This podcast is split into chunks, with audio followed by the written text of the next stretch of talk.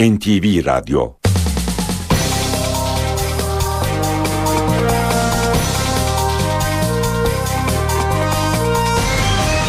İşe Giderken Mutlu sabahlar. Ben Aynur Altunkaş. Bugün 23 Ağustos Cuma işe giderkenle karşınızdayız. Saat 9'a kadar Türkiye ve dünya gündemindeki gelişmeleri, gazete manşetlerini, piyasa verilerini, yol ve hava durumlarını aktaracağız. Gündemin öne çıkan başlıklarıyla başlayalım.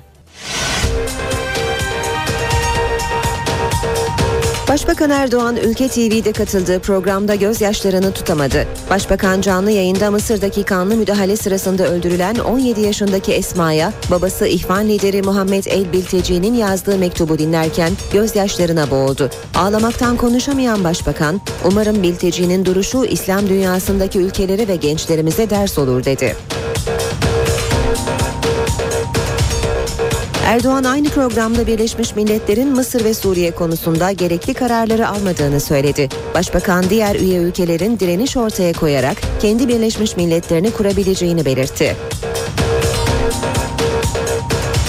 CHP Genel Başkanı Kemal Kılıçdaroğlu Irak gezisini kısa tutma kararı aldı. Kılıçdaroğlu bugün Türkiye'ye dönecek.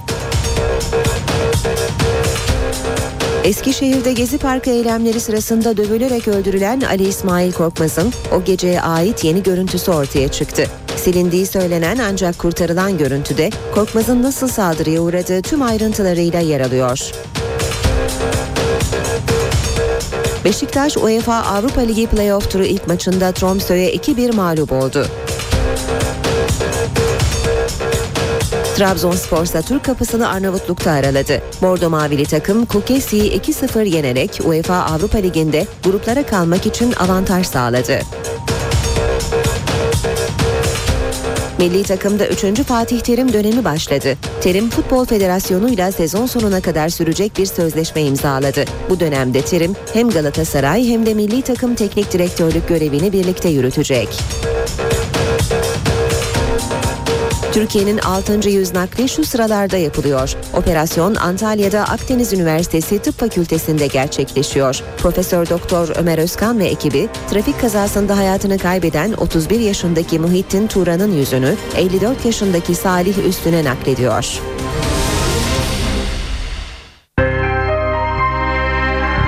İşe Giderken İşe Giderken gazetelerin gündemi.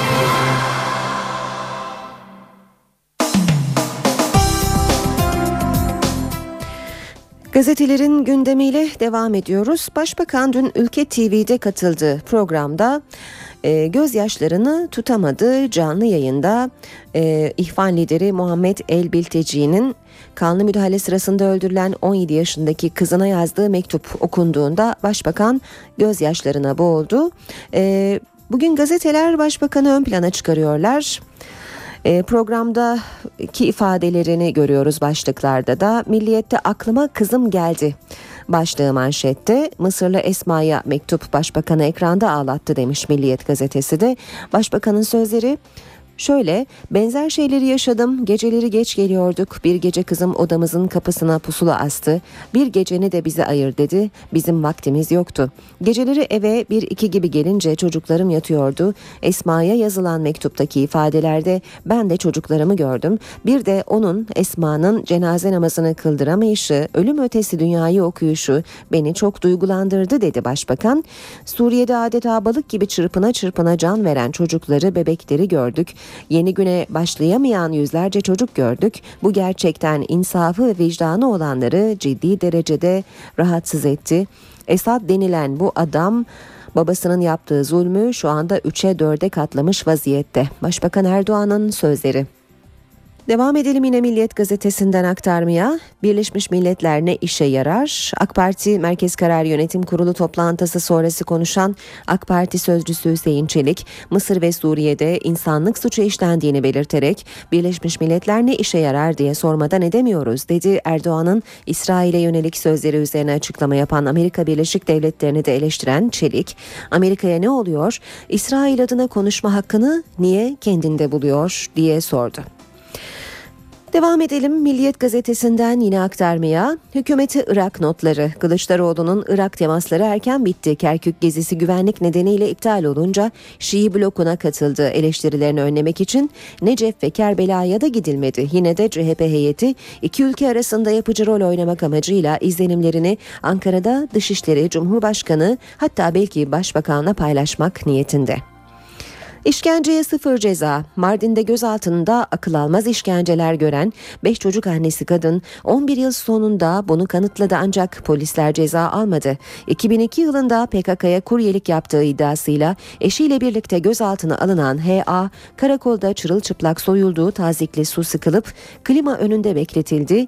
Dövüldü, tecavüze uğradı. Polisler kollarında tutarken kendini yere attı savunması yapsalar da 11 yıllık hukuk mücadelesi sonunda işkence gördüğünü ispatladı. Ancak Mardin 2. Ağır Ceza Mahkemesi sanıkların bir daha bu suçu işlemeyeceğine kanaat getirip hükmün açıklanmasını geri bıraktı.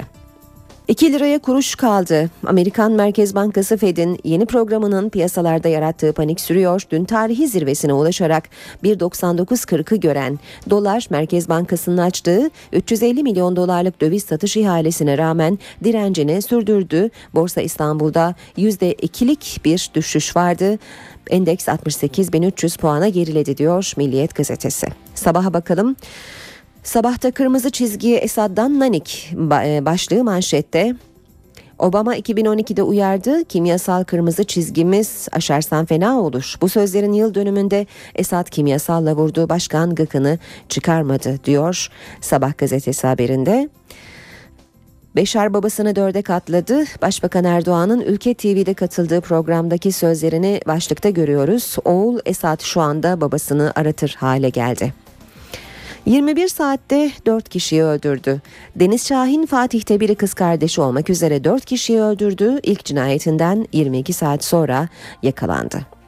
Geçelim Hürriyet gazetesine. Hürriyet'in manşetine bakmadan önce e, Hemen e, bir e, Hürriyet gazetesinde yer alan bir açıklama var. Bu açıklamadan bahsedelim. E, dün Hürriyet gazetesi manşetinde Tuncay Güney ile e, yapılan bir röportaja yer vermişti. Başbakan yardımcısı Bekir Bozdağ Hürriyet'in manşetini dün yaptığı açıklamayla eleştirmiş ve Suriye'deki saldırıya geniş yer ayırmamasın e, konusunda eleştiride bulunmuştu. Hürriyet gazetesine yönelik.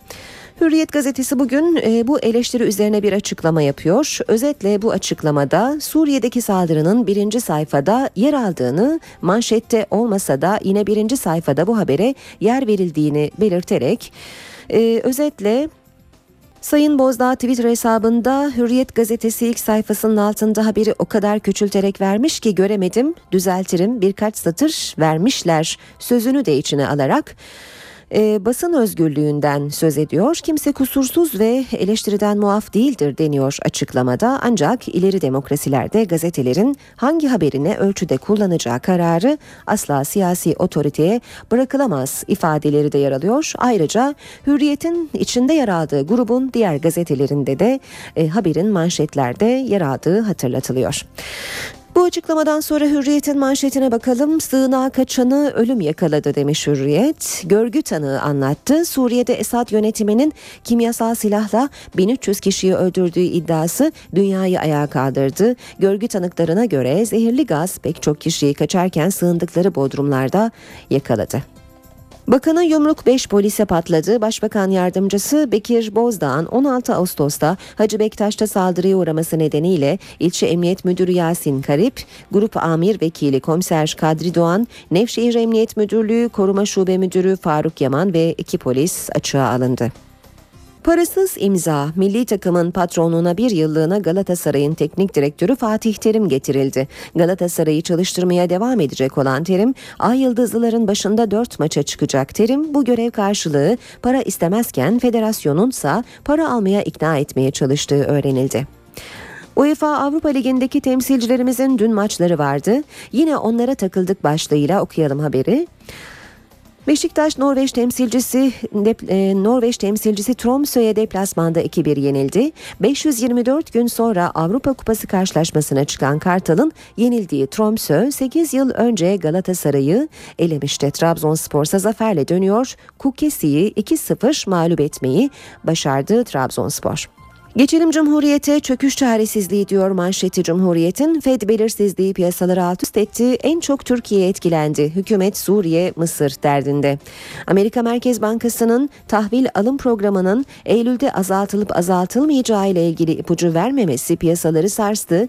Gelişmekte olan ülkelerden para kaçışı hızlanırken Türkiye yüksek cari açığı nedeniyle yine en fazla etkilenen ülke oldu. Dolar rekor kırdı. 10 yıllık tahvil faizleri çift taneye gördü. Borsa hızlı düşüşünü sürdürdü. Piyasalardaki gidişat kriz korkularını da beraberinde getirdi diyor Cumhuriyet gazetesi. Radikalle devam edelim. Radikal gazetesi manşette 68 saniyede linç demiş. Ali İsmail Korkmaz'ın önce silinen sonra kurtarılan öldüren dayak görüntülerine yer veriyor Radikal. Korkmaz'ın bir dakika süren dövülme anı saniye saniye görülüyor ve bu görüntülerde e, fotoğraflarla Radikal'de yer alıyor. Haber Türkiye bakalım. Haber Türk televizyonda Esma'ya gözyaşları demiş manşette. Başbakan Erdoğan Mısır'da öldürülen 17 yaşındaki Esma'ya babasının yazdığı mektubu dinlerken ağladı. Devam edelim. Aysal'dan 4 maçlık izin başlığıyla Terim imzayı attı. 4 yıllık milli takım hocalığı teklifini kabul eden Terim dün Galatasaray Başkanı Ünal Aysal'la görüştü. Aysal 4 yıla hayır dedi, 4 maç izni verdik, Mayıs'a kadar milli takıma destek verebilir açıklamasında bulundu. Bir diğer başlık Habertürk'ten babaya anneyi kötüleme cezası, boşanmak üzere olduğu eşini 8 yaşındaki kızına kötüleyince babalık hakkı 6 ay alındı. Zaman gazetesine bakalım. Esad'ın hedefi Humus'tan sonra Şam'da da muhalifleri bitirmek. Dışişleri Bakanı Ahmet Davutoğlu Esad'ın Şam'ı muhalif hareketten tamamen temizlemek için kimyasal katliamı gerçekleştirmiş olabileceğini söyledi Davutoğlu. Saldırının muhaliflerce yapıldığını iddia edenlere muhalefet Şam'da tutunmaya çalışıyor. Kendi kontrol ettiği yeri bombalayıp kendisine yakın insanları yok edip ne elde edecek diye sordu. Yeni Şafak'ta bir dakika içinde öldüler demiş manşet. Şam'da 1300 kişinin can verdiği katliam füze bombardımanıyla başladı. İnsanlar sığınaklara kaçınca kimyasal saldırı yapıldı. Bodrum katlarında biriken sarin gazı çoğu çocuk yüzlerce kişinin bir dakika içinde nefessiz kalarak ölmesine neden oldu. Star bölge hareketli tedbirinizi alın demiş manşette Dışişleri Bakanı'nın 24'te açıkladığı gizli görüşmenin ayrıntılarına ulaşmış Star gazetesi MİT Müsteşarı Fidan darbeden 15 gün önce yaptığı görüşmede Mısır Cumhurbaşkanı e, Mursi'ye Ankara'nın bölge hareketleniyor dikkatli olun mesajını iletti. Davutoğlu'nun açıkladığı Fidan Mursi görüşmesinin perde arkasının aralandığı belirtiliyor haberde. Mısır içindeki bazı aktörlerin darbe planı içinde olduğu ve dış destek aradığı bilgisi üzerine Erdoğan'ın talimatıyla Kahire'ye giden MIT Müsteşarı Fidan, Mursi'yi bölgede hareketlenme var, tedbirinizi alın diye uyardı.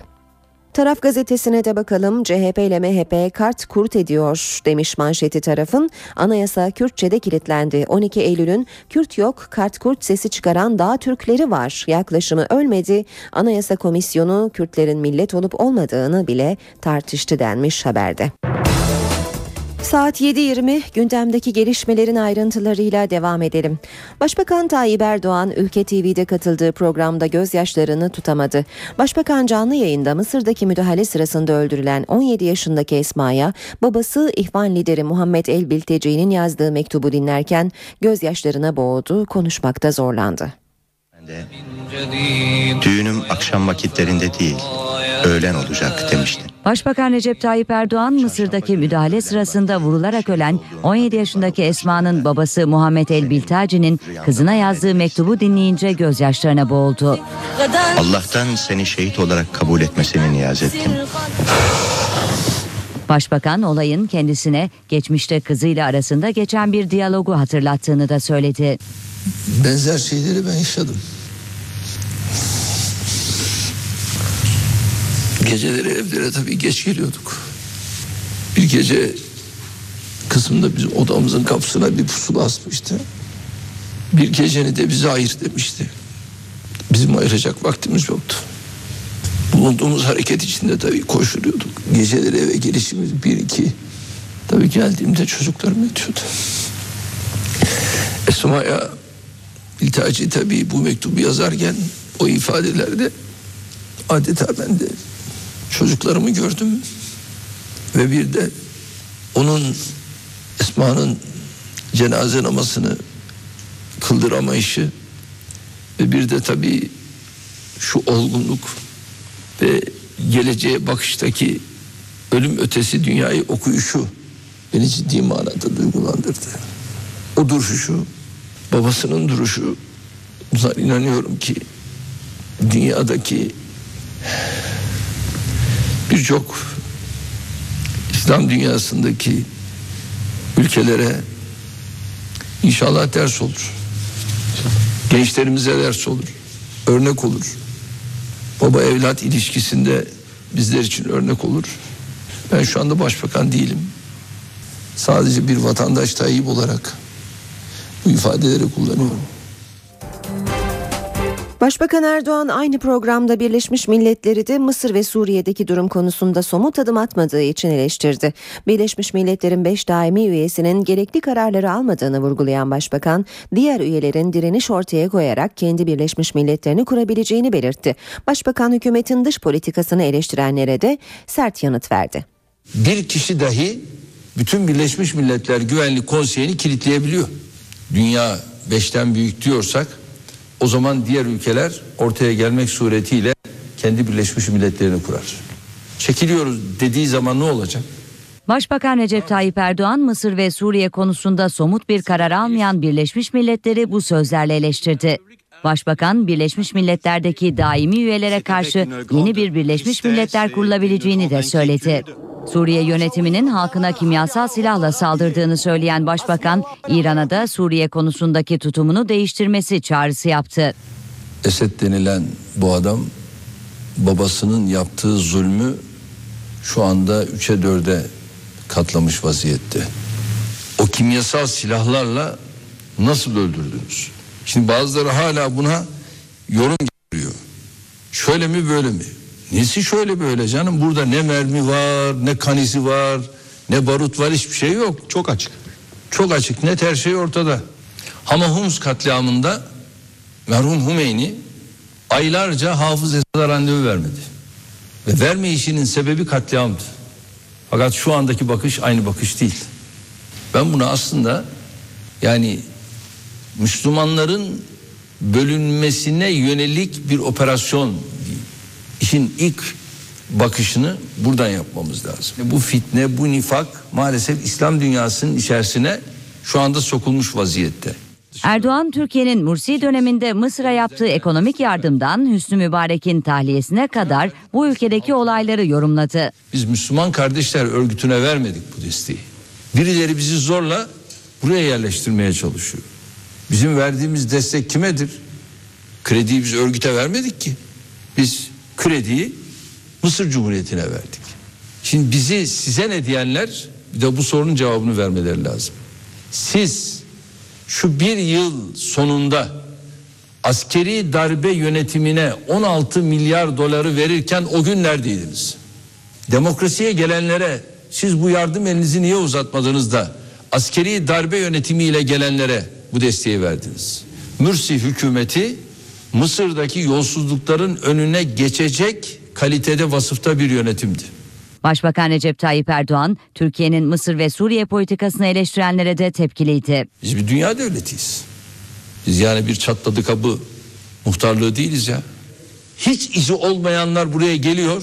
Onlara buyurun diyorsunuz. Ha bize size ne? Fransız Le Figaro gazetesi Amerika ve İsrail komandoları tarafından eğitilen bir grup muhalifin Ağustos ortasından bu yana Şam'a doğru ilerlediğini yazdı. Gazetenin iddiasına göre Esad karşıtı operasyon başladı.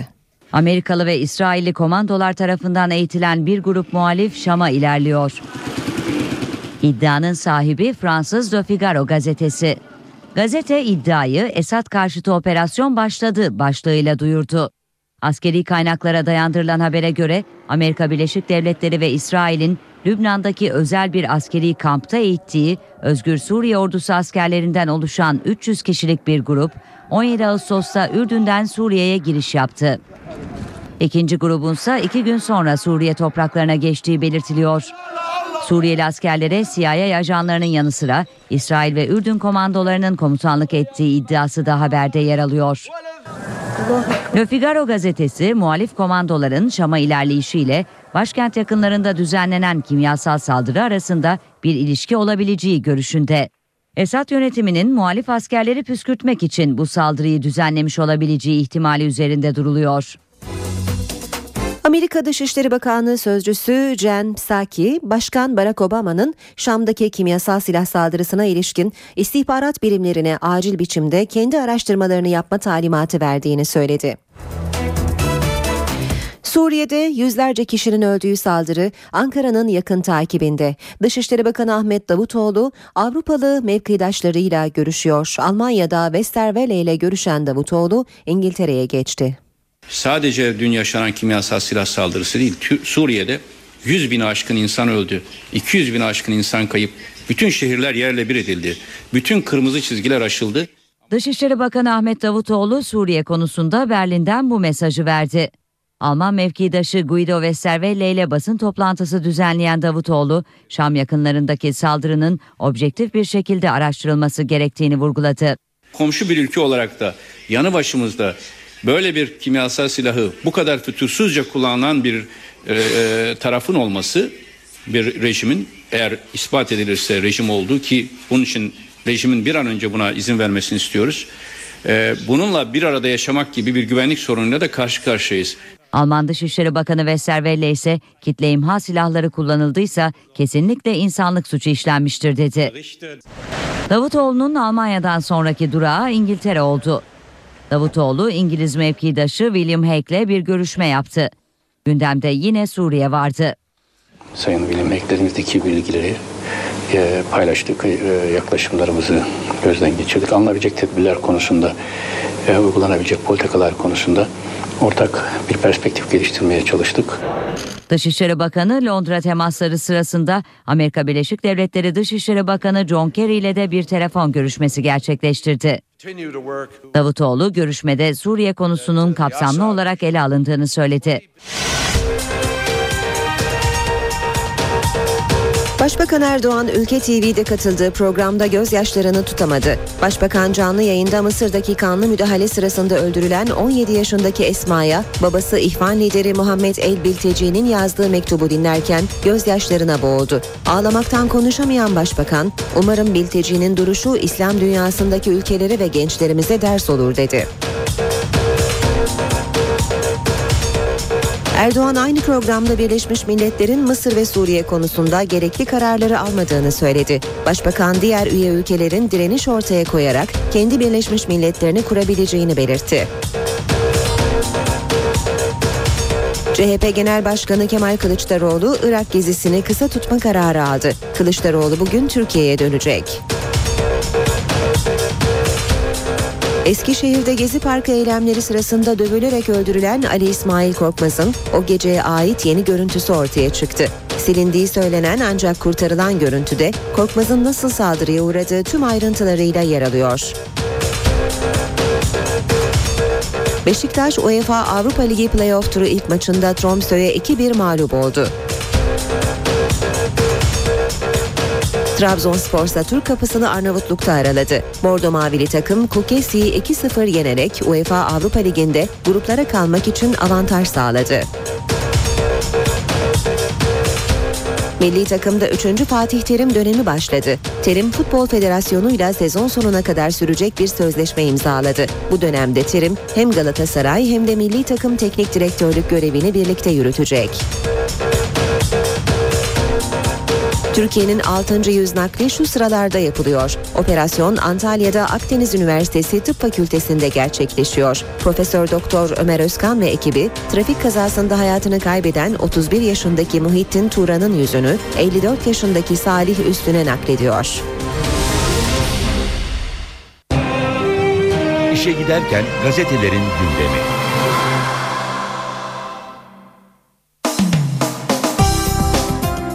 Gazetelerin manşetlerine kısaca bakıp ardından spor haberleri okuyacağız. Hürriyet gazetesinde sığınağa kaçanı ölüm yakaladı diyor manşet. Görgü tanığı anlattı. Suriye'de Esad yönetiminin kimyasal silahla 1300 kişi öldürdüğü iddiası dünyayı ayağa kaldırdı. Görgü tanıklarına göre zehirli gaz pek çok kişiyi kaçarken sığındıkları bodrumlarda yakaladı. Başbakan Erdoğan dün Ülke TV'de katıldığı bir programda Gözyaşlarını tutamamıştı. Aklıma kızım geldi. Sözleri Milliyet'te manşette. Programdan notları görüyoruz. Mısırlı Esma'ya mektup başbakanı ekranda ağlattı. Benzer şeyleri yaşadım. Geceleri geç geliyorduk.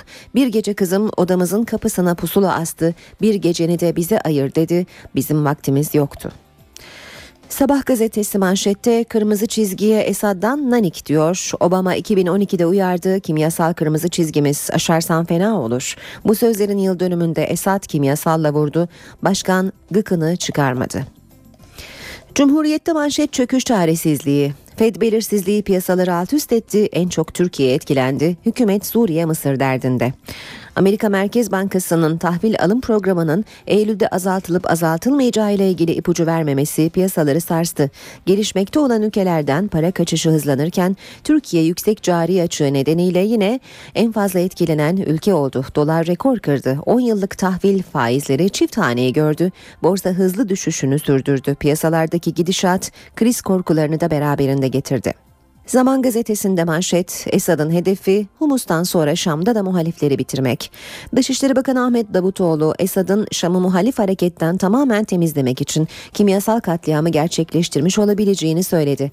Davutoğlu saldırının muhaliflerce yapıldığını iddia edenlere muhalefet Şam'da tutulmaya çalışıyor. Kendi kontrol ettiği yeri bombalayıp kendisine yakın insanları yok edip ne elde edecek diye sordu. Star gazetesi bölge hareketli tedbirinizi alın demiş manşette. MİT Müsteşarı Fidan darbeden 15 gün önce yaptığı görüşmede Mısır Cumhurbaşkanı Mursi'ye Ankara'nın bölge hareketleniyor dikkatli olun mesajını iletti deniyor Star gazetesinin haberinde. Radikal'de manşet 68 saniyede linç. Ali İsmail Korkmaz'ın önce silinen sonra kurtarılan öldüren dayak görüntülerine yer veriyor. Radikal Korkmaz'ın bir dakika süren dövülme anı saniye saniye görülüyor. Taraf gazetesine de bakalım. Tarafın manşeti CHP ile MHP kart kurt ediyor. Anayasa Kürtçe'de kilitlendi. 12 Eylül'ün Kürt yok, kart kurt sesi çıkaran dağ Türkleri var. Yaklaşımı ölmedi. Anayasa Komisyonu Kürtlerin millet olup olmadığını bile tartıştı diyor Taraf gazetesi haberinde. Şimdi gazetelerin spor sayfalarını çevirmeye başlayalım. UEFA Avrupa Ligi'ndeki temsilcilerimizin dün yaptığı maçlar ve Fatih Terim bugün e, spor gündeminde. Milliyette yine Tromsø yine facia başlığıyla başlayalım. Kartal UEFA Avrupa Ligi playoff turu ilk maçına hızlı girdi. Almeida'nın sayısıyla üstünlüğü ele geçirdi. Farka koşacağı düşünülen siyah beyazlı takım golden sonra adeta stop etti. Bendikse'nin penaltısıyla sarsılan Beşiktaş, Pritcard'ın golüne de engel olamayınca resmen buz kesti. Tam bir baş belası başlığını görüyoruz yine Milliyet'te. Tromsø Türk takımlarıyla Avrupa'da oynadığı 3 maçı da kaybetmedi. Beşiktaş da Norveç takımlarıyla deplasmanda oynadığı 4 karşılaşmayı kazanamadı. Arnavut kaldırımı Trabzonspor Kukesi deplasmanında zorluk çekmedi. UEFA Avrupa Ligi yolunda büyük mesafe kaydetti. Bordo Mavililer adeta evindeki gibi rahat oynadı. 31. dakikada kazandığı penaltıyla öne geçti. 69'da Henrique'nin farkı ikiye taşıyan golüyle tur için avantaj sağlayan Karadeniz ekibi 29 Ağustos'taki rövanşta ilk kez gruplara kalmak istiyor. Milliyetten aktarmaya devam edelim. Milli takım terime teslim. Galatasaray Başkanı Ünal Aysal dün sabah Florya'da bir araya geldiği Fatih Terim'e Mayıs 2014'e kadar şartlı izin verdi. Geri adım atmayan Türkiye Futbol Federasyonu Başkanı Yıldırım Demirören başarılı teknik adamla yeniden görüşerek anlaşma sağladı. Bir yıllık sözleşme imzalayan Terim görevine resmen başladı. Fatih Terim A milli takım ve Galatasaray'ı bir yıl boyunca birlikte çalıştıracak. Elmander'de vergi oyunu. Norwich City kulübü İngiltere'deki yüksek vergiden kurtulmak için Johan Elmander transferinde gizli bir operasyona imza attı. İngilizler İsveçli golcüye ödeyeceği 1 milyon 425 bin sterlini Galatasaray'a kiralama bedeli vermiş gibi gösterdi. Milliyetten okumaya devam edelim. Çare antrenman. Fenerbahçe'de teknik direktör Ersun Yanal futbolcularından daha sert idmanlar isterken oyuncuların hala eski alışkanlıklardan kurtulamamasının sıkıntısını yaşıyor. Bugüne kadar antrenman bilimi ve teknikleri konusunda uzman olan Ersun Hoca, futbolcuların kırılgan yapısını tempolu çalışmalarla sonlandıracak. Kas süreci bitti. Fenerbahçe Uluslararası Spor Tahkim Mahkemesi'ndeki süreci tamamladı. Olaylarda başrolü üstlendiği iddia edilen İbrahim Akın da yarım saat kas hakemlerinin sorularını yanıtladı ve çıktı. Kulüp avukatı Abdullah Kaya ise karar 28 Ağustos'ta dedi. Spor haberlerine hürriyetle devam edelim. Hürriyetten aktaracağımız ilk başlık baş belası. Milliyetle benzer başlıklar. 2005'te Galatasaray'ı Avrupa'nın dışında bırakan Tromsø Beşiktaş'a da geçit vermedi diyor Hürriyet gazetesi. Kasta şansımız %50. Beşiktaş Başkanı Fikret Orman çıkacak karardan umutlu olduklarını söyledi. Vodafone anlaşmanın e, anlaşmasının başarı olduğunu söyleyen Orman, Kasta savunmamızı yaptık, bekliyoruz dedi. Çifte imparatorluk. Abdullah Avcı'nın istifası sonrası Ay Yıldızlı ekip için 2014 Mayıs'ına kadar 4 maçlığına kolları tekrar sıvayan e, Fatih Terim Galatasaray'ı çalıştırmaya devam edecek. Krizi yine Gümüşdağ çözdü. Başlığını görüyoruz. Galatasaray'dan sadece 4 maçlığına terime izin çıkması federasyonda soğuk duş etkisi yarattı. Ama araya giren Gümüşdağ olayı tatlıya bağladı. İnadına Trabzon Avrupa'da bileği bükülmeyen fırtınada Adrian hem attı hem de Henrique'ye attırdı. Kukesi'yi deplasmanda deviren Bordo Maviller Avni Aker'deki rövanşa oldukça rahat çıkacak diyor Hürriyet gazetesi. Neden bu halde nasıl düzelir? Bu sezon oynadığı 5 resmi maçta sadece bir galibiyet alan Fenerbahçe için kritik soru. Arsenal maçında ortaya konulan futbol sarı lacivertlerin morallerinin bozulmasına ve camianın sarsılmasına neden oldu. Fener hüsrana Stoh Devler Ligi'ne Fenerbahçe'nin yeni hocası Ersun Yanal'ın kadrosunda düşünmediği için gönderilen Miroslav Stoh PAOK'ta iki maçta ilah oldu. Arsenal'a evinde 3-0 yenilen Fenerbahçe Şampiyonlar Ligi'nde gruplara kalma şansını mucizelere bırakırken takımdan kiralık olarak gönderilen Stoh attığı golle PAOK'u Devler Ligi arenasına çok yaklaştırdı. Bunu kabul edemem. Bilic yenilgiye rağmen turu geçmek için ellerinde bir avantaj olduğunu söyledi. Slaven Bilic hatalar yapılsa da goller yenilse de takımın ikinci devre Tromsø karşısında ortaya koyduğu performansı kabul edilemeyeceğini belirtti. Hırvat Hoca Trabzonspor maçındaki oyunumuzu oynayamadık dedi. Hürriyet gazetesinden aktardık. Şimdi de Sabah gazetesinden spor haberlerine bakalım. Beşiktaş fena kasıldı, kas tırnak içinde. 2005'te Galatasaray'ı eleyen Tromsø Beşiktaş'a da soğuk duş yaşattı. Avrupa'daki durumu 30 Ağustos'ta netleşecek olan Kartal'ı ateş bastı diyor sabah. UEFA'daki diğer temsilcimiz Trabzon'da Kukesi'yi 2-0 yenmişti. Fırtına tarih yazıyor başlığıyla veriyor haberi Sabah gazetesi. Devam edelim sabahtan aktarmaya. İki forma tek yürek Terim Aysal zirvesinden milli takım için 4 maç kararı çıktı. Fatih Hoca'yı 1 artı 3 yıl isteyen federasyon Galatasaray'ın bu teklifine evet dedi. Terim'i bırakmayan Aysal 2014'te milli takıma projesini kabul etmedi. Milli hizmetten de kaçmam diyen Fatih Terim akşam resmi imzayı attı. Israrla para istemedi. Galatasaray'dan izin alarak bu imzayı attıklarını belirten Demirören, biz bir ücret belirleyeceğiz ama hocamız inatla para istemiyor dedi. Jamaika'ya VADA tehdidi Rene N. Sherlin'in açıklamaları Hüseyin Bolt'u da yakabilir. Dünya Doping, Dünya Antidoping Ajansı VADA, ülkede atletlere doping kontrolü yapılmadığı iddialarının ardından Jamaika'yı 2016 olimpiyatlarından atmakla tehdit etti. Böylece bitiriyoruz spor haberlerini. İşe giderken devam ediyor. İşe giderken Gündemdeki gelişmelere bakmayı sürdürelim. Mısır ve Suriye'deki gelişmeler AK Parti Merkez Karar ve Yönetim Kurulu'nda değerlendirildi. Toplantıdan sonra bir açıklama yapan AK Parti sözcüsü Hüseyin Çelik, Suriye'de kimyasal silah kullanıldığını söyledi. Türkiye'nin dış politikada maceracı davranmayacağının altını çizen Çelik, Başbakanın İsrail ile ilgili açıklamaları nedeniyle Türkiye'yi kınayan Amerika Birleşik Devletleri'ni de eleştirdi. Şam'ın bir banyosu olan Guta'da bir kimyasal saldırı de gerçekleştirildi. Mazlumun ahı tahttan indirir şahı AK Parti Merkez Karar ve Yönetim Kurulu'nda gündem Mısır ve Suriye'ydi. AK Parti sözcüsü Hüseyin Çelik toplantı sonrası Suriye'deki saldırının kimyasal silahla yapıldığını söyledi. Birleşmiş Milletler Güvenlik Konseyi ne işe yarar? Hazreti Yusuf'u kuyuya atanlar kardeşleriydi. Darbeyi Mısır'da finanse edenler kimlerdir Allah aşkına? Mısır'daki darbeye darbe diyemeyenlere hüsnü mübarek mübarek olsun. Çelik Türkiye'nin maceracı bir dış politika uygulamayacağının altını çizdi. Biz öyle gaza gelerek Suriye'ye falan girecek değiliz. Biz duygularımızı muhafaza ediyoruz. Duygularımız aklımızı değil, aklımız duygularımızı idare ediyor. AK Parti sözcüsü Başbakan Recep Tayyip Erdoğan'ın İsrail ile ilgili açıklamaları nedeniyle Türkiye'yi kınayan Amerika Birleşik Devletleri'ni de eleştirdi. İsrail'in cevap vermesi ne anlarım? Peki Amerika Birleşik Devletleri'ne ne oluyor? İsrail adına konuşma hakkını niye kendinde buluyor ki ben onu anlamıyorum. Türkiye bir NATO ülkesidir. İsrail değildir. Bunu ibretle ve hayretle karşıladık. Hüseyin Çelik Türkiye'nin dış dünyada yalnız kaldığı eleştirilerine de yanıt verdi. Biz darbe yapanların safında olmaktansa onların uzağında kalmayı her zaman tercih ettik. Esas kaptan geminin burnunun ucunu göre gören değil ufku görendir. Muhalefetten de Suriye'de kimyasal silahla düzenlenen saldırıya tepki var. CHP ve MHP olayı katliam olarak değerlendirdi.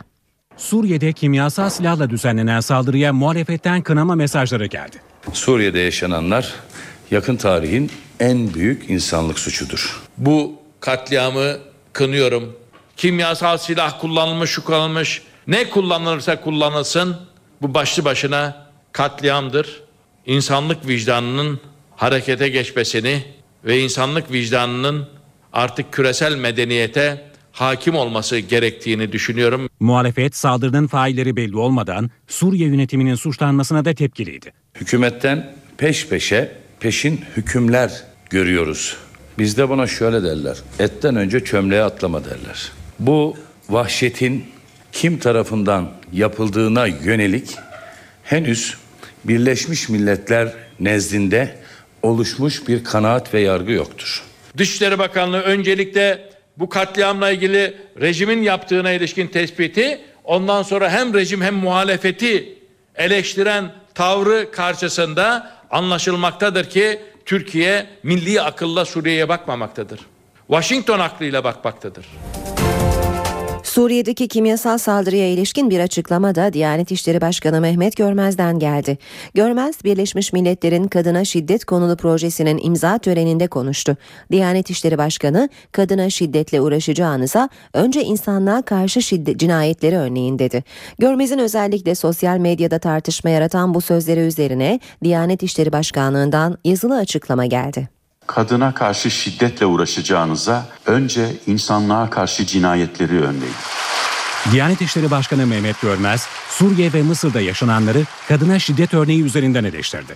Toplantının konusu Birleşmiş Milletler'in kadına yönelik şiddetin engellenmesi konusunda din adamlarının eğitimi projesiydi. İmza protokolü için Aile ve Sosyal Politikalar Bakanı Fatma Şahin ve Başbakan Yardımcısı Bekir Bozdağ da oradaydı. İnsanlığa karşı cinayeti önleyemeyen kurumlar, kuruluşlar, toplumların kadına karşı şiddeti, insan hakkını, aile içi şiddeti ve benzeri konuları nasıl önleyebilirler? Proje için Birleşmiş Milletler temsilcisi Zahidul Huguye de törendeydi. Görmez Birleşmiş Milletler'e sert çıktı, projenin finansmanı için destek istemediğini söyledi. Ben dün vicdanımda bir karar aldım. Dostumuz yine kusura bakmasın. Diyanet İşleri Başkanlığı'nı ilgilendiren kısmında Birleşmiş Milletler'in bir kuruşunu harcamayacağım. Kabul etmiyorum o parayı. Bunu Diyanet Vakfı'ndan harcayacağım. O parayı insanlığa karşı işlenen büyük suçları ve cinayetleri önlemede kullansın. Mehmet Görmez'in bu sözlerinin sosyal medyada tepki toplaması üzerine Diyanet İşleri Başkanlığı'ndan yazılı bir açıklama yapıldı. Açıklamada Görmez'in konuşmasında Birleşmiş Milletler'in insan hakları, kadın hakları ve çocuk hakları gibi konularda artık inandırıcılığını kaybettiğinin ifade edildiği belirtildi ve bir cümleden kadın aleyhtarı bir yargı üretmenin iyi niyetle bağdaştırılamayacağı kaydedildi. Türkiye'nin 6. yüz nakli şu dakikalarda yapılıyor. Operasyon Antalya'da Akdeniz Üniversitesi Tıp Fakültesi'nde gerçekleşiyor. Profesör Doktor Ömer Özkan ve ekibi trafik kazasında hayatını kaybeden 31 yaşındaki Muhittin Turan'ın yüzünü 54 yaşındaki Salih Üstüne naklediyor. Geçen yıl uygulamaya giren bu yılsa zorunlu olmaktan çıkan 66 ay uygulaması kafalarda soru işareti oluşturmaya devam ediyor. Geçen yıl eğitim gören öğrencilerden bir kısmı ikinci sınıfa geçti ancak içlerinde hala okuma yazmayı öğrenemeyenler var. Keremce Merdem 61 aylıkken okula başladı. Bir yıl boyunca eğitim gördü. Ancak okuma yazmayı sökemedi. Benim oğlum hala öğrenmedi. Şu anda ikiye geçti ama hiçbir şey bilmiyor doğru düzgün. Bir tek harfleri biliyor çocuk. Sadece bildiği şey bu. Yaz bir tane kendisini. Anne Selda Erdem oğlunun artık okuldan soğuduğunu söylüyor. İkinci dönemden almayı bile düşündüm ben. Çünkü istemiyordu. Her gün alt ıslatma olmayı, olmayı başladı. Psikolojik olarak çok bozuldu çocuk. Yaz boyunca biz ders çalışıyoruz şu anda. Çocuğuma iyicene sıkıldı her şeyden. Ya gitmek istemiyor o yüzden. Keremcem yalnız değil. Binlerce çocuk onunla benzer sorunları yaşıyor. Derslerinde geri kalan çocuklar için telafi dersleri konulacak. Okullarımızda telafi mekanizmaları ekstra programlar, alt sınıflar oluşturularak okuma yazması geç olan, güçlük çeken çocuklarımızın e, okur yazar yapma, matematik becerilerini geliştirme, geriye kalan eğitimlerini tamamlamak için okullarımızın, idarelerimizin uygulamalarıyla bunları biz telafi ediyoruz. Eğitimcilere göre telafi dersi çözüm değil. Okuma yazma becerisi ancak birinci sınıfta ve özel tekniklerle kazandırılması gereken bir e, beceri.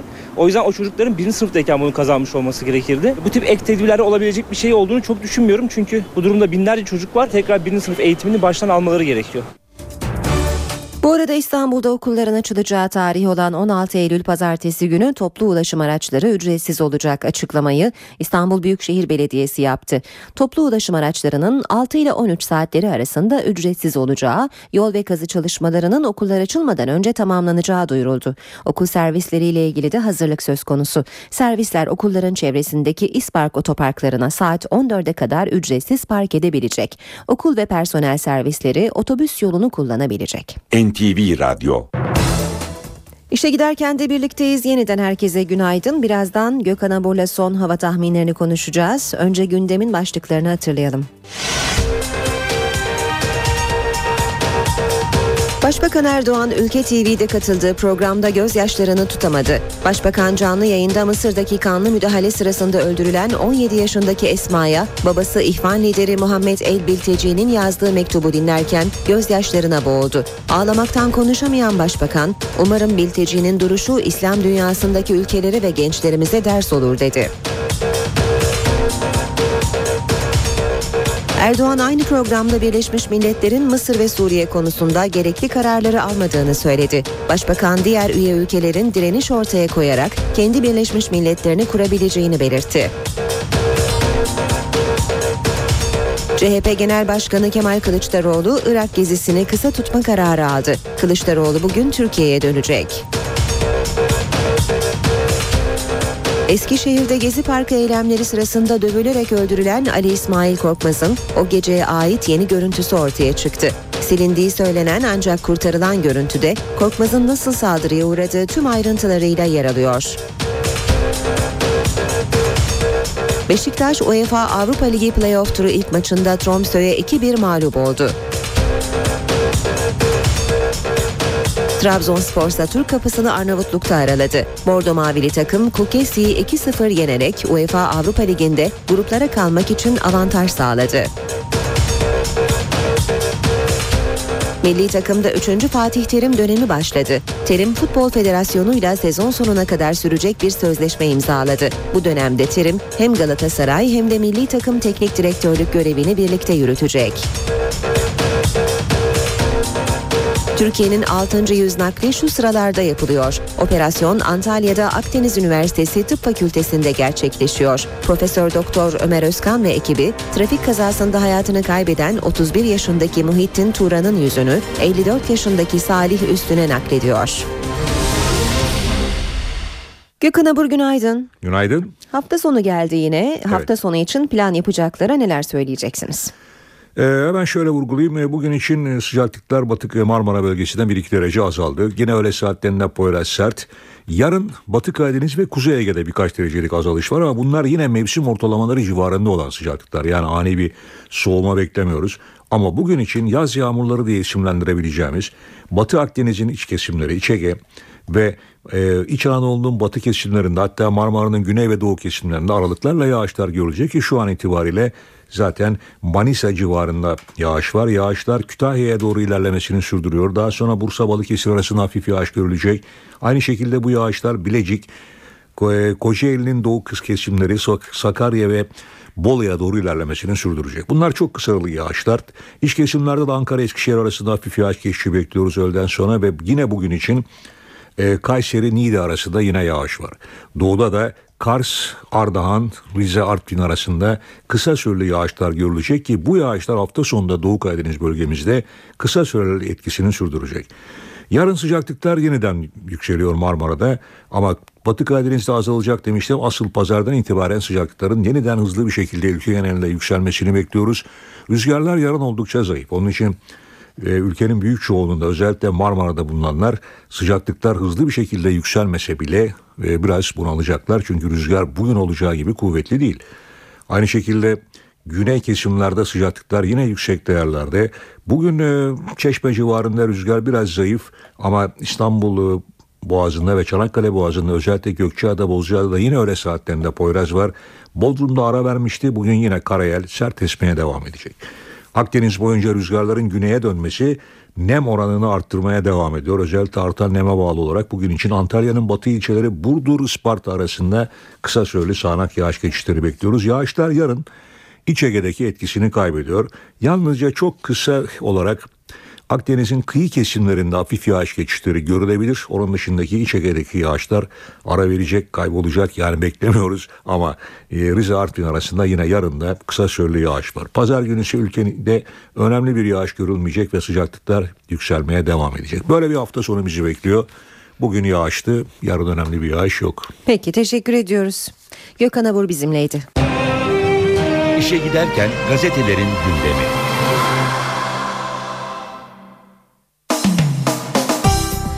Gündemdeki gelişmelerin gazetelerdeki yankılarıyla devam edeceğiz. Başbakan Erdoğan'ın dün Ülke TV'de katıldığı programda e, yaptığı açıklamalar ve döktüğü gözyaşlarını görüyoruz. Bugün gazetelerde Milliyet gazetesi aklıma kızım geldi diyor manşette. Mısırlı Esma'ya mektup başbakanı ekranda ağlattı. Benzer şeyleri yaşadım. Geceleri geç geliyorduk. Bir gece kızım odamızın kapısına pusula astı. Bir geceni de bize ayır dedi. Bizim vaktimiz yoktu. Yine Milliyet gazetesinden aktaralım. Hükümete Irak notları. Kılıçdaroğlu'nun Irak temasları erken bitti. Kerkük gezisi güvenlik nedeniyle iptal olunca Şii blokuna katıldı eleştirilerini önlemek için Necef ve Kerbela'ya da gidilmedi. Yine de CHP heyeti iki ülke arasında yapıcı rol oynamak amacıyla izlenimlerini Ankara'da Dışişleri, Cumhurbaşkanı hatta belki Başbakan'la da paylaşmak niyetinde. Sabah gazetesine bakalım. Sabah gazetesinde manşet kırmızı çizgiye Esad'dan nanik. Obama 2012'de uyardı. Kimyasal kırmızı çizgimiz aşarsan fena olur. Bu sözlerin yıl dönümünde Esad kimyasalla vurdu. Başkan gıkını çıkartmadı. Devam edelim basın özetlerine işe giderken de Zaman gazetesine bakalım. Esad'ın hedefi Humus'tan sonra Şam'da da muhalifleri bitirmek. Dışişleri Bakanı Ahmet Davutoğlu, Esad'ın Şam'ı muhalif hareketten tamamen temizlemek için kimyasal katliamı gerçekleştirmiş olabileceğini söyledi. Davutoğlu, saldırının muhaliflerce yapıldığını iddia edenlere muhalefet Şam'da tutulmaya çalışıyor. Kendi kontrol ettiği yeri bombalayıp kendisine yakın insanları yok edip ne elde edecek diye sordu. Hürriyette manşet sığınağa kaçanı ölüm yakaladı.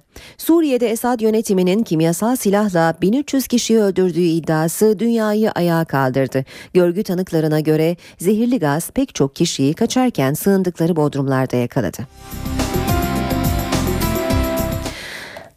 Devam edelim e, basın özetlerine işe giderken de Yeni Şafak'a bakalım. Bir dakika içinde öldüler. Şam'da 1300 kişinin can verdiği katliam füze bombardımanıyla başladı. İnsanlar sığınaklara kaçınca kimyasal saldırı yapıldı. Bodrum katlarında biriken sarin gazı çoğu çocuk yüzlerce kişinin bir dakika içinde nefessiz kalarak ölmesine neden oldu. Akşam Başbakan'dan Esma'ya gözyaşı diyor. Mısır'daki darbe zulmüne ve Suriye'deki katliama karşı uluslararası toplumu göreve çağıran Başbakan Erdoğan içine televizyon ekranında halkına döktü. İhvan liderlerinden El Bilteci'nin 17 yaşın 17'sindeki 17'sinde Adeviye'de öldürülen kızı Esma'nın ardından yazdığı mektup okunurken gözyaşlarını tutamadı. Devam edelim e, basın özetlerine işe giderken de Akşam gazetesinden aktarmıştık. Habertürk'e bakalım.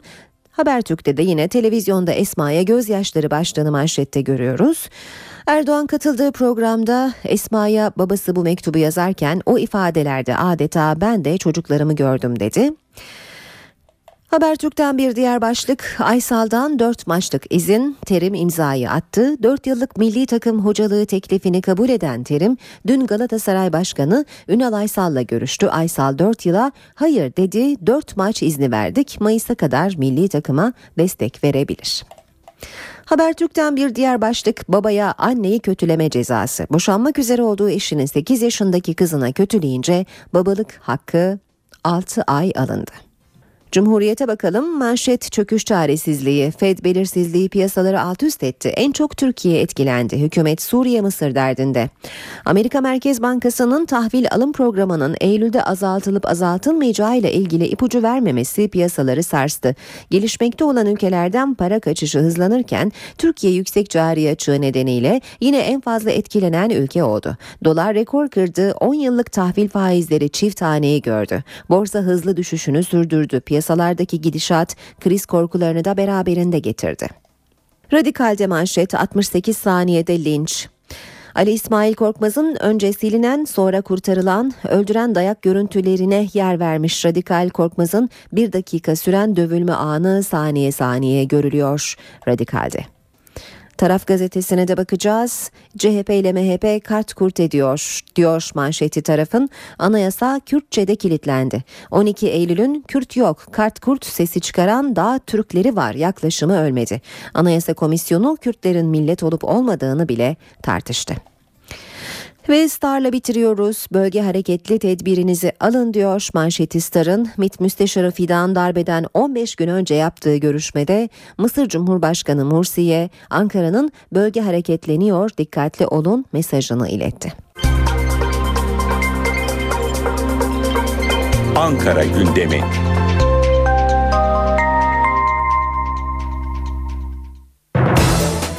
NTV Radyo'da işe giderkenin bu bölümünde başkente uzanacağız. Karşımızda NTV muhabiri Miray Aktağ Uluç var. Miray günaydın. Günaydın Aynur. Ee, yeni bir haftayı da bitiriyoruz. Miray bugün gündemde neler olacak? Aynı haftanın son iş gününde e, aslında başkentte sakin bir gündemin olduğunu söyleyebiliriz ama Başbakan Erdoğan'ın dün akşam bir televizyon kanalında yaptığı açıklamalar bugün başkentin önemli gündem maddeleri arasında yer alacak. Başbakan Erdoğan e, çözüm süreciyle ilgili bir açıklama yaptı ve PKK'nın çekilme sürecinin seçime kadar bitmesi gerektiğini söyledi. Başbakan Erdoğan'ın dikkat çeken açıklamalarından biri de 28 Şubat süreci mağdurlarına ilişkindi ve haklarının iadesi için Adalet Bakanlığı'nda çalışma yürütüldüğünü belirtti.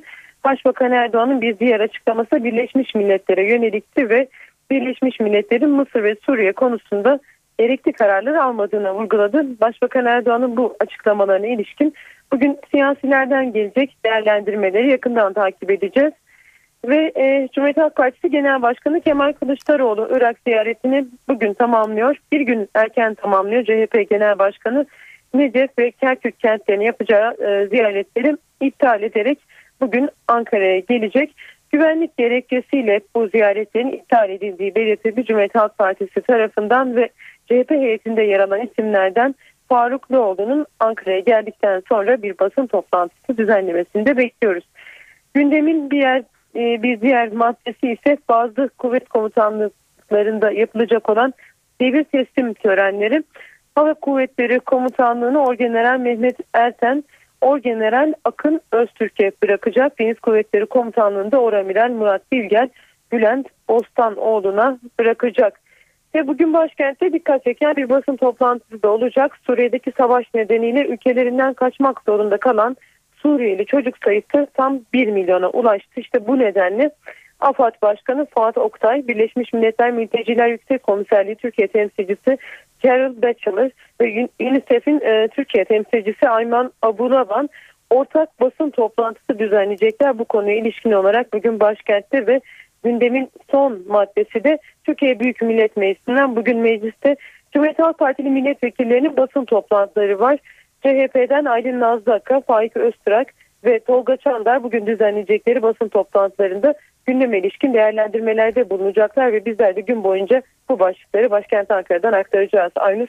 Miray teşekkürler. Kolay gelsin.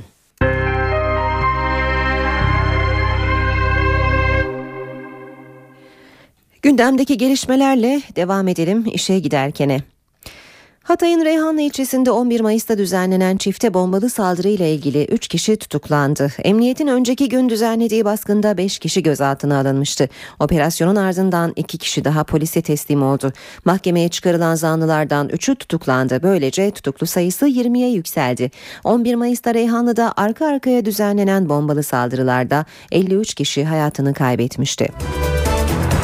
Nevşehir Hacı Bektaş Veli'yi anma etkinliklerinde Başbakan Yardımcısı Bekir Bozdağ yapılan yumruklu saldırı ile ilgili soruşturmada 5 polis açığa alındı. Açığa alınan polisler arasında Hacı Bektaş Polis Merkezi Amiri Yasin Karip ve Nevşehir Emniyet Müdürlüğü Koruma Şube Müdürü Faruk Yaman da var. Bozdağ yumruklu saldırıda bulunan Hüseyin Satı tutuksuz yargılanmak üzere serbest bırakılmıştı. Eskişehir'de Gezi Parkı eylemleri sırasında dövülerek öldürülen Ali İsmail Korkmaz'ın o geceye ait yeni görüntüsü ortaya çıktı. Silindiği söylenen ancak kurtarılan görüntüde Korkmaz'ın nasıl saldırıya uğradığı tüm ayrıntılarıyla yer alıyor. Koşarken yakaladılar, yerde tekmelediler. Eskişehir'de Gezi Parkı eylemlerinde Ali İsmail Korkmaz'ın darp edildiği geceye ait silinen görüntüler ortaya çıktı. Radikal gazetesine göre silindikten sonra jandarma tarafından geri getirilen görüntüler fırının güvenlik kamerasına ait.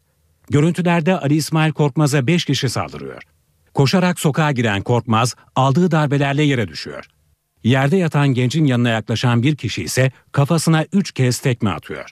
Tekmelerle sendeleyen Ali İsmail Korkmaz bir süre yerde kaldıktan sonra kalkıp olay yerinden uzaklaşıyor. Olayla ilgili biri polis 4 kişi tutuklu. Tutuklananlardan 3'ü görüntüleri sildikleri iddia edilen fırın çalışanları. Antalya Emniyeti Gezi Parkı eylemleri sırasında bir otoparkta 3 genci darbeden 17 polisin kimliklerinin tespit edilemediği yönündeki haberleri yalanladı. Olayın güvenlik kameralarına yansımasına rağmen emniyet müfettişlerinin 17 polisin kimliğini tespit edemediği iddia edilmişti. Antalya Emniyeti konuyla ilgili açıklama yaptı. Emniyet personelin kimlik tespitlerinin yapılamadığı haberlerinin gerçeği yansıtmadığını, olayla ilgili soruşturmanın sürdüğünü belirtti.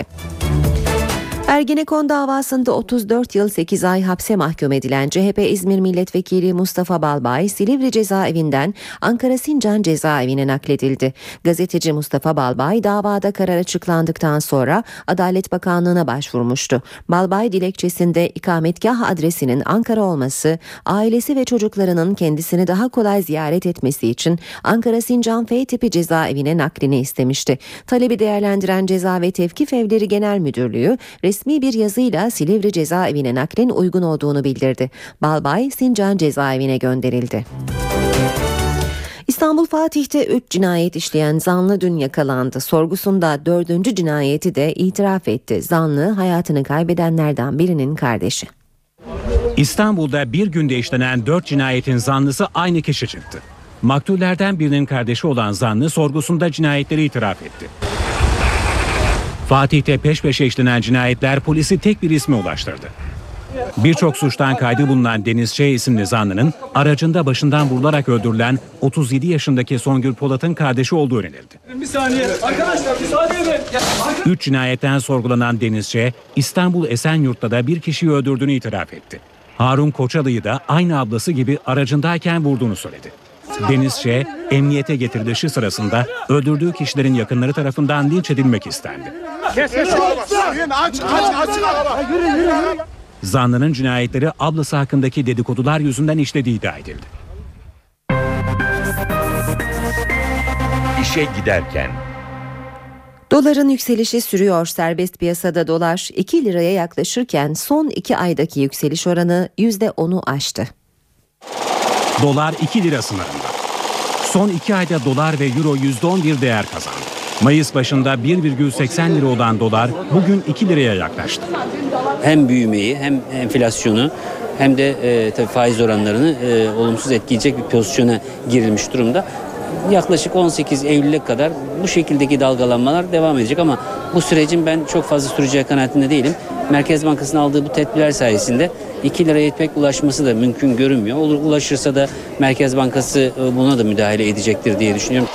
Aynı dönemde 2,33 lira olan euro da 2,65 seviyesine ulaştı. En büyük değişim ise faizlerde yaşandı. Elinde 100 bin liralık bono tutan bir yatırımcının parası 93 bin liraya geriledi. Borsa endeksinde de kayıp %30'a vardı. Borsada 100 bin liralık bir fonun değeri 2 ayda 70 bin liraya düşmüş oldu. Piyasalardaki son verilere de bakalım şimdi. BIST 100 endeksi dün 1409 puan ve %2 değer kaybıyla 68.300 puandan kapandı. Bu sabah dolar serbest piyasada 1.99 euro 2.65'ten işlem görüyor. Euro dolar paritesi 1.33 dolar yen paritesi 99 düzeyinde. Altının onsu 1376 dolar kapalı çarşıda külçe altının gramı 88, Cumhuriyet altını 606, çeyrek altın 152 liradan işlem görüyor. Brent petrolün varili ise 110 dolar.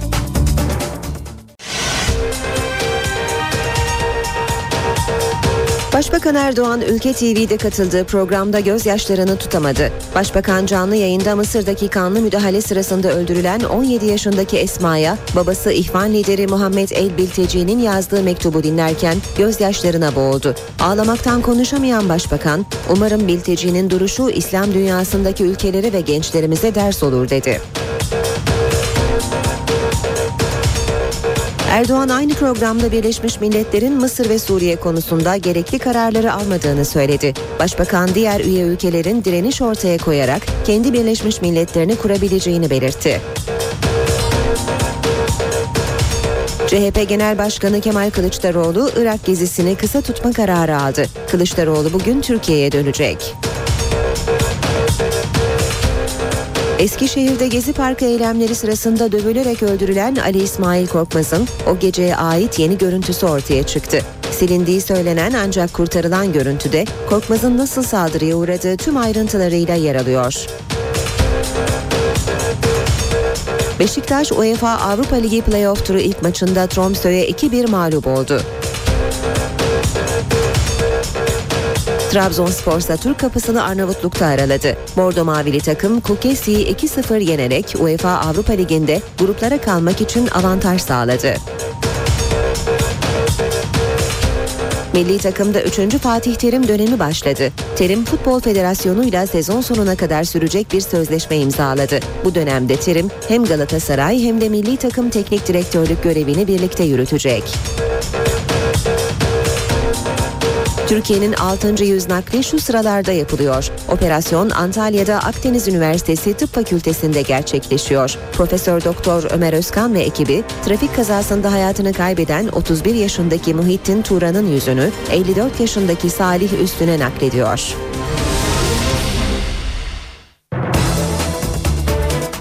Saat 8.38 NTV Radyo'da birlikteyiz. Gündemdeki gelişmelere bakmaya devam edelim. Suriyeli muhalifler binden fazla kişinin öldüğü kimyasal saldırıda bilançonun daha da ağırlaştığını açıkladı. Açıklama Suriye Ulusal Koalisyonu Sözcüsü Halit Salih'ten geldi. Salih, Zamalka bölgesinde cesetlerle dolu birçok ev bulundu. Bu nedenle ölü sayısı daha da arttı dedi. Suriyeli muhalifler Birleşmiş Milletler denetçilerinin hemen incelemeye başlamasını istiyor.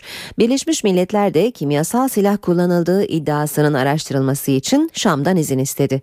Esad rejimi ise kimyasal silah kullandığı iddialarını yalanlıyor. Fransız Le Figaro gazetesi Amerika ve İsrail komandoları tarafından eğitilen bir grup muhalifin Ağustos ortasından bu yana Şam'a doğru ilerlediğini yazdı. Gazetenin iddiasına göre Esad karşıtı operasyon başladı. Amerikalı ve İsrailli komandolar tarafından eğitilen bir grup muhalif Şam'a ilerliyor.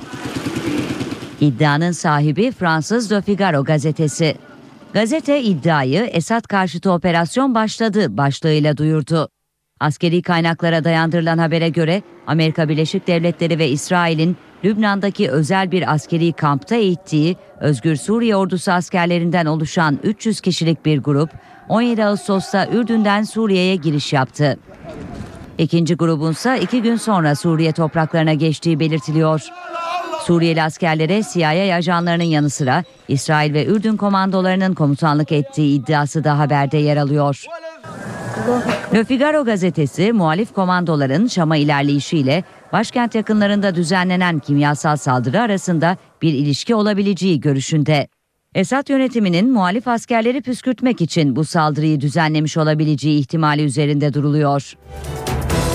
Amerika Dışişleri Bakanlığı Sözcüsü Jen Psaki, Başkan Barack Obama'nın Şam'daki kimyasal silah saldırısına ilişkin istihbarat birimlerine acil biçimde kendi araştırmalarını yapma talimatı verdiğini söyledi. Suriye'de binden fazla kişinin öldüğü saldırı Ankara'nın yakın takibinde. Dışişleri Bakanı Ahmet Davutoğlu Avrupalı mevkidaşlarıyla görüşüyor. Almanya'da Westerwelle ile bir araya gelen Davutoğlu İngiltere'ye geçti. Sadece dün yaşanan kimyasal silah saldırısı değil, Suriye'de 100 bin aşkın insan öldü, 200 bin aşkın insan kayıp, bütün şehirler yerle bir edildi, bütün kırmızı çizgiler aşıldı. Dışişleri Bakanı Ahmet Davutoğlu Suriye konusunda Berlin'den bu mesajı verdi. Alman mevkidaşı Guido Westerwelle ile basın toplantısı düzenleyen Davutoğlu, Şam yakınlarındaki saldırının objektif bir şekilde araştırılması gerektiğini vurguladı. Komşu bir ülke olarak da yanı başımızda böyle bir kimyasal silahı bu kadar fütursuzca kullanılan bir e, e, tarafın olması bir rejimin eğer ispat edilirse rejim olduğu ki bunun için rejimin bir an önce buna izin vermesini istiyoruz. E, bununla bir arada yaşamak gibi bir güvenlik sorunuyla da karşı karşıyayız. Alman Dışişleri Bakanı Westerwelle ise kitle imha silahları kullanıldıysa kesinlikle insanlık suçu işlenmiştir dedi. Davutoğlu'nun Almanya'dan sonraki durağı İngiltere oldu. Davutoğlu İngiliz mevkidaşı William Hague'le bir görüşme yaptı. Gündemde yine Suriye vardı. Sayın William Hague'lerimizdeki bilgileri e, paylaştık, e, yaklaşımlarımızı gözden geçirdik. Alınabilecek tedbirler konusunda, e, uygulanabilecek politikalar konusunda ortak bir perspektif geliştirmeye çalıştık. Dışişleri Bakanı Londra temasları sırasında Amerika Birleşik Devletleri Dışişleri Bakanı John Kerry ile de bir telefon görüşmesi gerçekleştirdi. Davutoğlu görüşmede Suriye konusunun kapsamlı olarak ele alındığını söyledi. Suriye'nin Resulayn kasabasındaki çatışma ise yine şiddetlendi. Suriye'den gelen mermiler bir kez daha Ceylanpınar'ı vurdu ve 4 kişi yaralandı. Halk anonslarla sokağa çıkılmaması konusunda uyarılıyor. Ceylanpınar güne çatışma sesleriyle uyandı. Sınırın diğer tarafından gelen mermiler 4 kişiyi yaraladı. Resulayn'da PYD ile El Nusra arasındaki çatışmalar sabah saatlerinde şiddetini arttırdı. Bir mermi Ceylanpınar Öğretmen Evi yakınlarında yürüyen Aslan Ege'nin sırtına isabet etti. İlk müdahalesi Ceylanpınar Devlet Hastanesi'nde yapılan yaralı Şanlıurfa'ya sevk edildi. Seken mermiler Fatma ve Medine Alagöz'ü evlerinde otururken Veysi Bayram'ı ise yolda yürürken yaraladı. Yaralılar ilçe hastanesinde tedavi altına alındı. Sınıra yakın bir eve de isabet eden roket atar mermisi şans eseri patlamadı. Mermi bomba uzmanı askerler tarafından imha edildi. Bir uçak savar mermisi ise Ceylanpınar Öğretmen Evi'ne isabet etti. Duvarda büyük bir delik açan mermi o sırada restoranda yemek yiyenlerin panik yaşamasına neden oldu. İlçe halkı tedirgin. Önceden de e, benim evim hemen hemen 30 ay 30-40 tane mermi yedi. 5-6 tane camım kırık vardı. Enerji camlarım kırıldı. Arabamın camı gitti. Özellikle sınıra yakın bölgede oturanların evlerinden çıkmamaları için belediye hoparlörlerinden anonslar yapılıyor. Irak ziyaretini erken tamamlamaya hazırlanan CHP lideri Kemal Kılıçdaroğlu, Irak Milli Koalisyon Başkanı Caferi ve Irak Türkmen Cephesi Başkanı Salihi ile görüştü. İlk görüşme Caferi'nin konutunda gerçekleşti. Güçlü bir Irak'ın Orta Doğu'nun teminatı olduğunu vurgulayan Kılıçdaroğlu, Suriye ve Mısır'daki gelişmelerin kendilerini üzdüğünü kaydetti. Caferi de Türkiye ve Irak'ı bir araya getiren çok sayıda payda olduğunu söyledi ve problemler her iki ülke arasında olur. Biz bu problemlerin bir yana bırakılmasını istiyoruz dedi. Kılıçdaroğlu daha sonra Irak Türkmen Cephesi Başkanı Erşet Salihi ile görüştü. Türkmen Cephesi heyeti tarafından Kılıçdaroğlu'na çift başlı kılıç hediye edildi. Kerkük ve Necef ziyaretlerini iptal eden Kılıçdaroğlu bugün Türkiye'ye dönecek. Başbakanın başdanışmanı Yalçın Akdoğan'dan sonra AK Parti sözcüsü Hüseyin Çelik'ten de çözüm süreciyle ilgili Kandil ve İmralı'ya sert mesajlar geldi. Çelik sürecin zehirlenmek istendiğinden söz etti.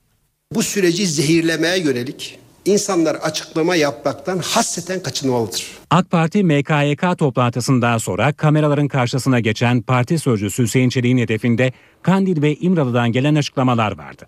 Çelik'e Öcalan'ın konumum stratejik seviyeye çıkarılmalı çağrısıyla Kandil'den gelen Eylül'e kadar hükümet demokratikleşme adımlarını atmazsa süreç kesilir açıklaması soruldu. Herkes makul olanla ilgilenmek zorundadır.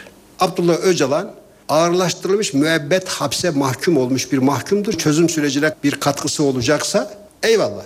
Her şey bir günde olmuyor. Zamanın ruhu diye bir şey var. Siyasi ve sosyal olaylarda hap gibi, tablet gibi bir çözüm yoktur.